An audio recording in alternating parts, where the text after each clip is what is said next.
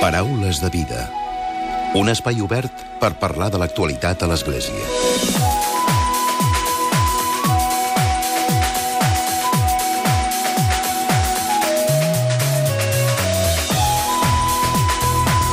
Tal? Salutacions i molt bon dia, molt bon diumenge. Avui volem conèixer la història de l'Andrew Fang. Ell és un jove nord-americà establert a Barcelona que des de fa quasi dos anys es dedica a donar oportunitats a persones que viuen al carrer, a persones que aquesta societat ha deixat al marge. Ell n'és el responsable d'una associació que té per nom Emprenedors Sense Sostre. Ell els dona una oportunitat buscant el talent de les persones i ho fa gràcies a la complicitat de molta gent que pot descobrir la feina que fa a través de diferents canals a les xarxes socials. El seu lema és el talent pot canviar-te la vida. Actualment té en marxa diferents projectes. Fa uns dies ha estat molt present també al Mobile World Congress perquè l'Andriu considera que està connectat amb la societat comença amb un mòbil. Ha fet i fa diferents accions de sensibilització posant rostre al sensellarisme. Avui coneixerem algunes d'aquestes històries al programa.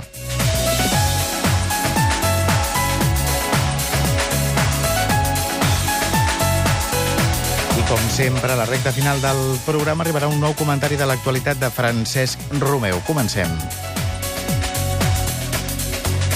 Andrew, benvingut al Paraules de Vida. Buen día. Primer de tot, qui és l'Andrew Funk?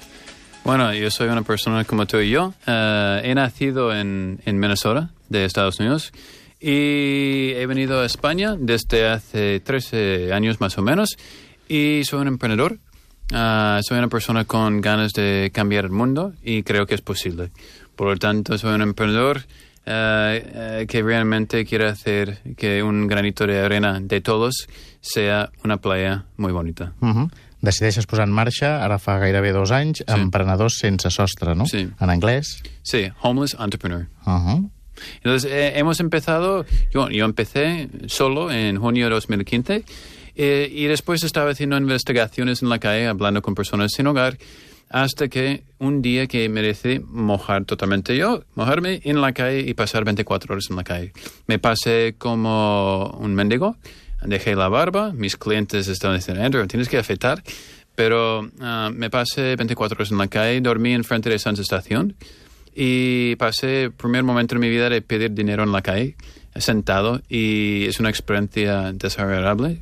Y también la inseguridad de dormir en la calle y no saber lo que está pasando ah, mm, es eh, desagradable también. Y después, las últimas 12 horas, pues pedía ayuda de los ciudadanos. ¿Qué podrían hacer para ayudarme? Y me di cuenta que no hay nadie realmente pensando en cómo pueden ayudar. Si no piensas en el tema, no puedes aportar ninguna solución. Por lo tanto, me di cuenta que hemos de trabajar en sociedad para hacerlo. Empecé con la primera persona, ah, Marcos Hernández Garrido, en diciembre. Eh, estaba andando, pasando por Plaza Universidad para grabar un vídeo que he ofrecido clases de inglés a Pablo Iglesias, que aceptó, y Marcos me pidió una moneda simpática. Y giré y le ofrecí... Una moneda simpàtica. Sí, y le ofrecí un proyecto simpático. Um, ahora mismo estamos trabajando con cinco personas. Uh, básicamente enfocamos en el talento de las personas sin hogar y las personas con hogar para que podamos mejorar su, su vida. Y, y la motivación tras el enfoque de tu sueño permite que puedes tener un trabajo más estable. Por ejemplo, en el caso de, de Paco, es una persona que acaba de conseguir un trabajo como diseño- desarrollador de página web. Empezó después de tres años en la calle y... y- Tres anys visquent al carrer. Sí, tres años como ocupa de una sofa a otro, eh, sin, un- sin un hogar. Y actualmente se cambió de media jornada, desde hace tres semanas, a una jornada completa. Está, eh, hoy mismo me envió un mensaje diciendo oficialmente tengo una habitación. Ah, cambias la vida de alguien ah, porque ofreces oportunidades. Nosotros no ah, hacemos reinserción laboral en el sentido de aquí tienes que trabajar ahí, no. Conseguimos que ellos tengan las herramientas y recursos para eh, con- conseguir una entrevista. Nosotros ayudamos con la entrevista y ellos consiguen el trabajo. Feu d'intermediaris, més o menys. Bueno, más o menos eh, ofrecemos una oportunidad en el cual pueden tener una entrevista y ellos tienen que ganarlo. Es muy importante porque no damos nada a cambio de nada. Tienen que esforzarse, tienen que trabajar. Obviamente la situación de cada uno es diferente, però ayudamos que ells puedan avançar gràcies a su talento. Mm -hmm. De fet, com comentaves al principi, et mous, vius a Barcelona, et mous per Barcelona i malauradament cada dia veiem més gent que, està, sí. que viu al carrer, que dorm al carrer. En aquell moment a tu se t'activa i penses... No, no sé si, si creus que ens estem acostumant a aquesta imatge i fa que la gent passem, ho veiem i no ens hi posem en la pell d'aquestes persones. Sí. O sí, o sí que finalment potser hi haurà gent com tu que dirà què pot pensar o què, què pot passar pel cap d'una persona que està vivint al carrer, que no té, que arribarà a la nit i continuarà al mateix lloc on ha estat tot el dia? Es, es complejo, porque yo creo que todo el mundo le gustaría ayudar, pero no saben cómo hacerlo. Um, y necesitas tener una buena estructura. Uh, hay entidades que hacen un gran trabajo, pero son negocios, es decir, son empresas, puede ser ONG o no, pero al final necesitas una estructura. Dando comida, uh, la pizza que no comiste después de ir de fiesta, pues ayudas un poco, pero no cambias nada. Ropa y comida no cambia nada. Um, vivienda tampoco, bajo mi punto de vista, porque vivienda, uh, si no estás trabajando, estás creando otra dependencia a una ONG, el gobierno o que, quien sea. Para mí, Vivienda es esencial. Homeless, sin hogar, significa que necesitan un hogar. Eso sí. Pero si no conseguimos que ellos tengan una oportunidad de trabajar, simplemente mmm, creamos otra dependencia. Y nuestro enfoque es crear una independencia personal para que puedan tener la vida que quieren ellos. Nosotros no definimos lo que queremos que deben tener. Preguntamos, ¿qué quieres con tu vida? Es una pregunta muy difícil hacer a una persona con o sin techo, pero Eso es la pregunta real. Y a partir de aquí enfoqueu l'acció que feu. Sí, eh, tenemos gestores de proyectos, por decir algo. Hay cuatro pilares. Um, trabajo, salud, educación y vivienda. Entonces, que t'ajuden, persones que t'ajuden. Sí, entonces en el caso de talento, pues una persona, puede ser yo, otro gestor, pues trabajan con ellos para desarrollar su proyecto. Uno es rapero, estamos haciendo un disco de música involucrando otras personas de otros idiomas para hacer el disco, para venderlo. Um, el tema del libro, hemos publicado un libro de, Marcos con eh, ediciones Carena y en San Jordi uh, tendremos una mesa por Rambla de Cataluña y Córcega, creo, en el cual tendremos gente sin techo ayudando y Marcos estará vendiendo su libro. Poemas, ¿no? Es un libro de poemas. Poemas, poemas. Eh, colección de poemas, se llama Poemas sin techo, pero son productos y servicios que creen con nosotros, uh, enfocando en su talento. Otros ma uh, masajistas. Acabo de recibir una donación para tener una camilla para hacer masajes, un carillo para moverlo y una silla también. Con 300 euros hemos creado un pequeño negocio para, él, para que realmente pueda ir a casa de alguien y darles un masaje. Entonces, con pequeñas aportaciones puedes hacer un gran cambio en su vida. I eso es lo que tratamos de hacer. Mm. Tratamos de ofrecer oportunidades. Has estat fa poc al Mobile World Congress, sí. perquè deies no? que també la connexió amb la societat comença perquè la persona pugui tenir un mòbil i pugui estar connectada. Claro, el, la conectividad es todo. Si viajas a otro país de vacaciones y haces una foto chulo de ti, intenta enviarlo sin internet o con una conexión baja. La velocidad baja hace que sea imposible hasta el final, que pues nada, te enseño la foto cuando llego a casa. Entonces, es la, es la conexión entre la sociedad y, y, la no sociedad, por ejemplo.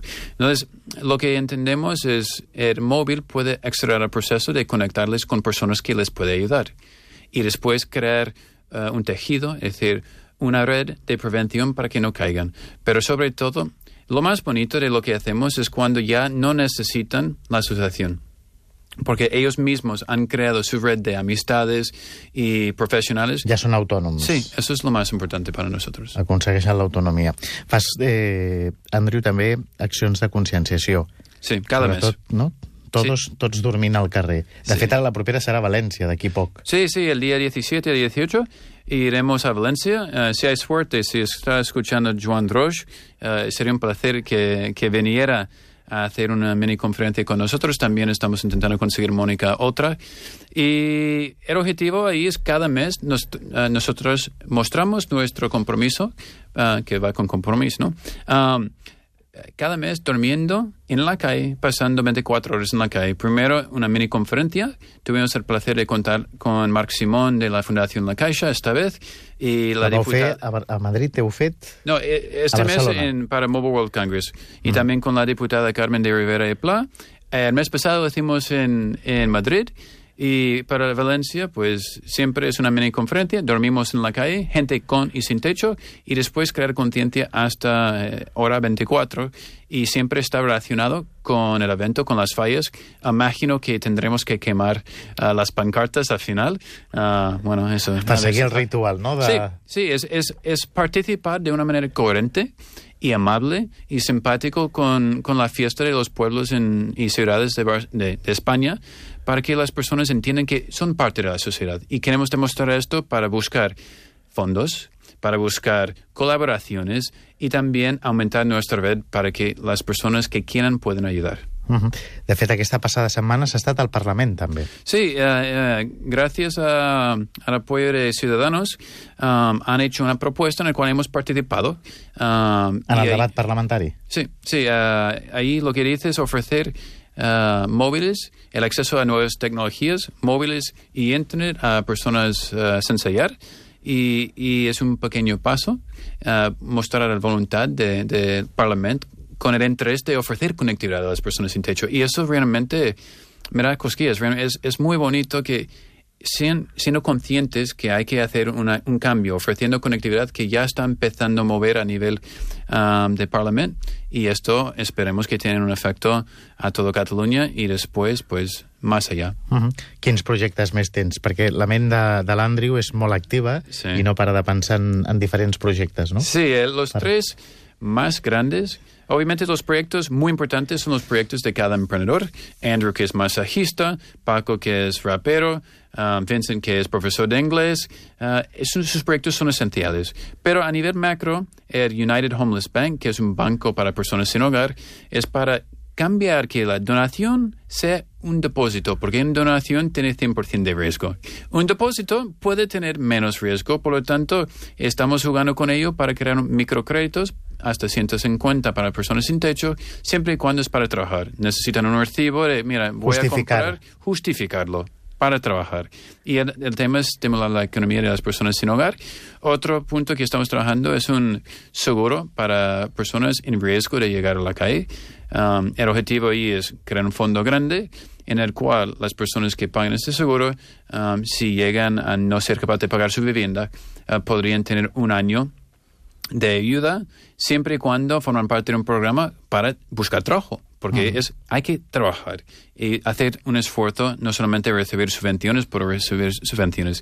Tu fas tot eh, sense cap suport no? institucional. Ah, de momento no tenemos eh, el placer ni el lujo de, de- de contar con ellos. Si están escuchando, ah, os invito a convocarme para una reunión de cinco minutos para explicar lo que estamos haciendo, porque sería un placer contar con ellos, porque ah, hay dos sectores, público y privado. Ahora mismo contamos 100% con privado, pero cada vez más estamos conversando con, con el sector público y esperemos que nos dejen ah, jugar eh, eh, en estos partidos, en el cual el objetivo es, es conseguir que las personas tengan una oportunidad enfocando en su trabajo. Entonces, el tema de público, eh, de momento, es un proceso más largo, um, pero tomará un papel en cuanto ellos consideran y valoran positivamente. Andrew, i per acabar, la gent que avui t'estigui escoltant a través de Catalunya Ràdio, Sí. per saber més de tu, què ha de fer? Posar a Google... Ah, pueden buscar, mi nombre es Andrew Funk, Andrew, Andreu en inglés, Funk, F-U-N-K. Me puedes encontrar en Facebook, LinkedIn, en todos los sitios. Emprendedores sin techo, usa Google Translator, Homeless Entrepreneur. Nos verás en todos los sitios, en las redes sociales. Invitamos a participar en la- el grupo de Facebook. Y, y sobre todo, también pueden llamarme, radio, escuchas 697-877-089, pero búscanos, respondemos ah, dentro de 24 horas siempre. Y la verdad es, si tienes interés de ayudarnos económicamente o colaborando con un proyecto actual o proponer un proyecto, o si quieres presentarnos a alguien, esto sería una gran ayuda. Fondos, colaboración y enseñar a presentarnos a otra persona. Andrew, gràcies per haver-nos acompanyat avui. Gracias por tú. Paraules de vida. Un espai obert per parlar de l'actualitat a l'Església. I tot seguit arriba el comentari de l'actualitat de Francesc Romeu. Francesc, molt bon dia. Molt bon dia a tothom. El passat dimecres 8 de març es va celebrar el Dia Internacional de la Dona. Tot i que es tracta d'una diada reivindicativa de caire polític i social, també és veritat que molts moviments de cristians obrers i totes les delegacions de Pastoral Obrera de Catalunya cada any ens recorden que també és un dia en què hem de tenir en compte, tant per la consciència com per la denúncia i la pregària. En el compendi de la doctrina social de l'Església es recullen aquestes citacions de Sant Joan Pau II, que diuen la persistència de moltes formes de discriminació ofensives de la dignitat i vocació de la dona en l'àmbit del treball és deguda a una llarga sèrie de condicionaments penalitzadors de la dona, que ha estat i encara és falsificada en les seves prerrogatives, sovint marginada i àduc reduïda a l'esclavitud. Aquestes dificultats, malauradament, no han estat superades, com ho demostren arreu les diverses situacions que envileixen les dones, sotmetent-les fins i tot a formes de veritable i pròpia explotació. La urgència d'un reconeixement efectiu dels drets de les dones en el treball es copsa especialment en els aspectes de la retribució, l'assegurança i la previsió. En aquest sentit, també l'Organització de Mans Unides ens ha recordat que aquesta diada pot ser una oportunitat molt especial per denunciar la, que la pobresa té rostre de dona i recordar que des de la seva fundació fa 58 anys, Mans Unides promou projectes de desenvolupament especialment centrats en la dona, protagonista essencial en el seu treball en educació per al desenvolupament i en els projectes de cooperació que realitza arreu del món. L'últim any, Mans Unides va realitzar 75 projectes de cooperació destinats especialment a la dona, que van beneficiar directament a 220.000 dones i amb un import de prop de 5 milions d'euros, que suposa el 12% de la seva inversió en projectes de desenvolupament. Aquest any, el Dia Internacional de la Dona se centra en el món laboral i en el cinquè objectiu de desenvolupament sostenible que l'ONU s'ha marcat per aconseguir que l'any 2030 el nostre món sigui un planeta 50-50, amb una veritable equitat de gènere. Mans Unides treballa per la igualtat entre homes i dones, requisit necessari per posar fi a la fam en el món. La nostra ONG, diuen, denuncia que milions de dones no tenen accés en igualtat de condicions a treballs dignes, saludables i remunerats justament. Si ens referim a l'àmbit agrícola, l'ONU destaca que les dones representen el 43% de la força de treball en els països en desenvolupament, el 20% a Amèrica Llatina i el 50% a Àsia i Àfrica, i realitzen una aportació fonamentalment a l'agricultura en aquests països. Malgrat això, aquestes dones obtenen en el seu sosteniment al món gairebé sempre de manera informal i sense remuneració, controlen menys terres que els homes. Menys del 20% dels que posseixen terres són dones i, a més, tenen un accés limitat a les eines, les llavors i al crèdit, la qual cosa els dificulta la possibilitat de beneficiar-se de moltes oportunitats econòmiques. Per posar uns exemples, Mans Unides parla de Guatemala i de Perú. A Guatemala la situació de les dones camperoles és de desigualtat pel que fa al treball i al salari que reben. Per exemple, tal i com algunes dones relaten, encara que el salari mínim ronda els 87 quetzals, les dones en poden rebre només 20.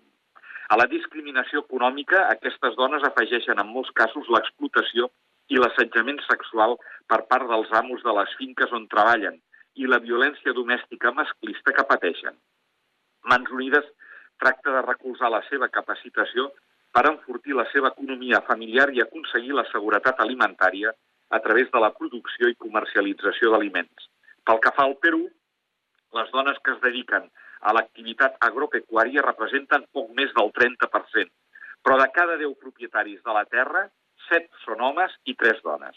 Aquestes xifres evidencien que, malgrat que treballen la terra, no accedeixen elles a ser propietàries, com tampoc poden ser tenir terres comunals, ja que no són considerades comuneres qualificades, que és el títol que els otorga la propietat de les terres i la possibilitat de participar en les juntes directives. Per solucionar aquesta situació, Mans Unides els hi dona suport perquè aconsegueixin ser propietàries de les terres i ser comuneres qualificades, amb dret a veu i vot. Molt bon diumenge a tothom.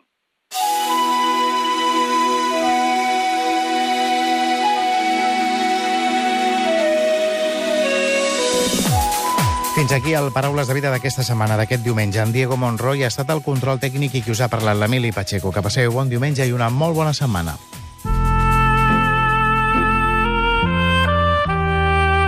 Us oferim la carta dominical de l'arcabisbe de Barcelona, Joan Josep Omella.